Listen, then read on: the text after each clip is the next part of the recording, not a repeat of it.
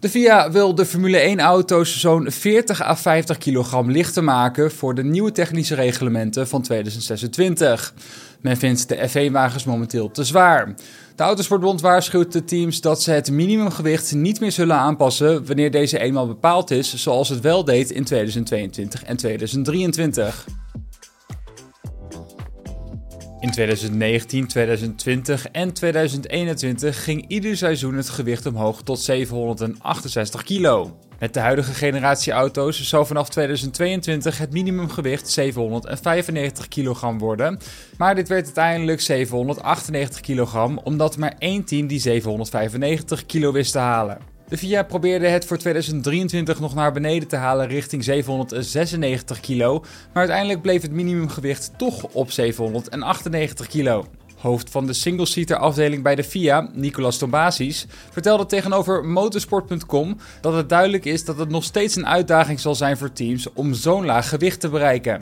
Echter, we zullen blijven bij het minimumgewicht dat we gaan implementeren en we gaan die niet weer langzaam omhoog halen. Ze zullen simpelweg harder moeten pushen om gewicht naar beneden te krijgen als het dat niet lukt. Er is een aantal keer over gediscussieerd of we überhaupt een minimumgewicht nodig hebben. Maar we geloven dat als we die compleet wegdoen, dat dat zou leiden tot een eindeloos gevecht van het kwijtraken van gewicht. Dat kan onvoorziene consequenties hebben. Dus het minimumgewicht dat we bepalen voor 2026 zal daarna niets meer veranderen. We zullen niet bezwijken onder het constante gesteggel om een paar kilo wanneer de teams zeggen: je hebt iets elektronisch toegevoegd, laten we er 2 kilo bij doen. Of de banden zijn een beetje zwaarder, laten we er een paar kilo bij doen. En dat soort dingen. Dat gaan we dus niet doen. Teams zullen naar het minimumgewicht toe moeten werken. En ik denk dat een aantal teams iets te zwaar zullen zijn in 2026.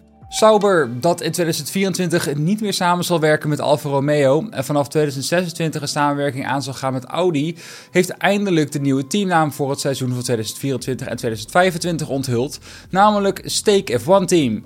Het Zwitserse team had tussen het einde van het seizoen 2023 en Nieuwjaarsdag Stake F1 Team Kick Sauber als teamnaam. Op de eerste dag van 2024 heeft het team de naam voor het seizoen 2024 en 2025 officieel geopenbaard. De naam is Stake F1 Team. Geen kick dus meer in de naam van het team, terwijl ook de naam van Sauber zelf ontbreekt.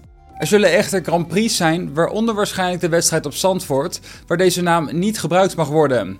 Het Zwitserse team zal in deze landen dus anders heten. Stake.com is namelijk een online casino en gokken is niet overal ter wereld legaal.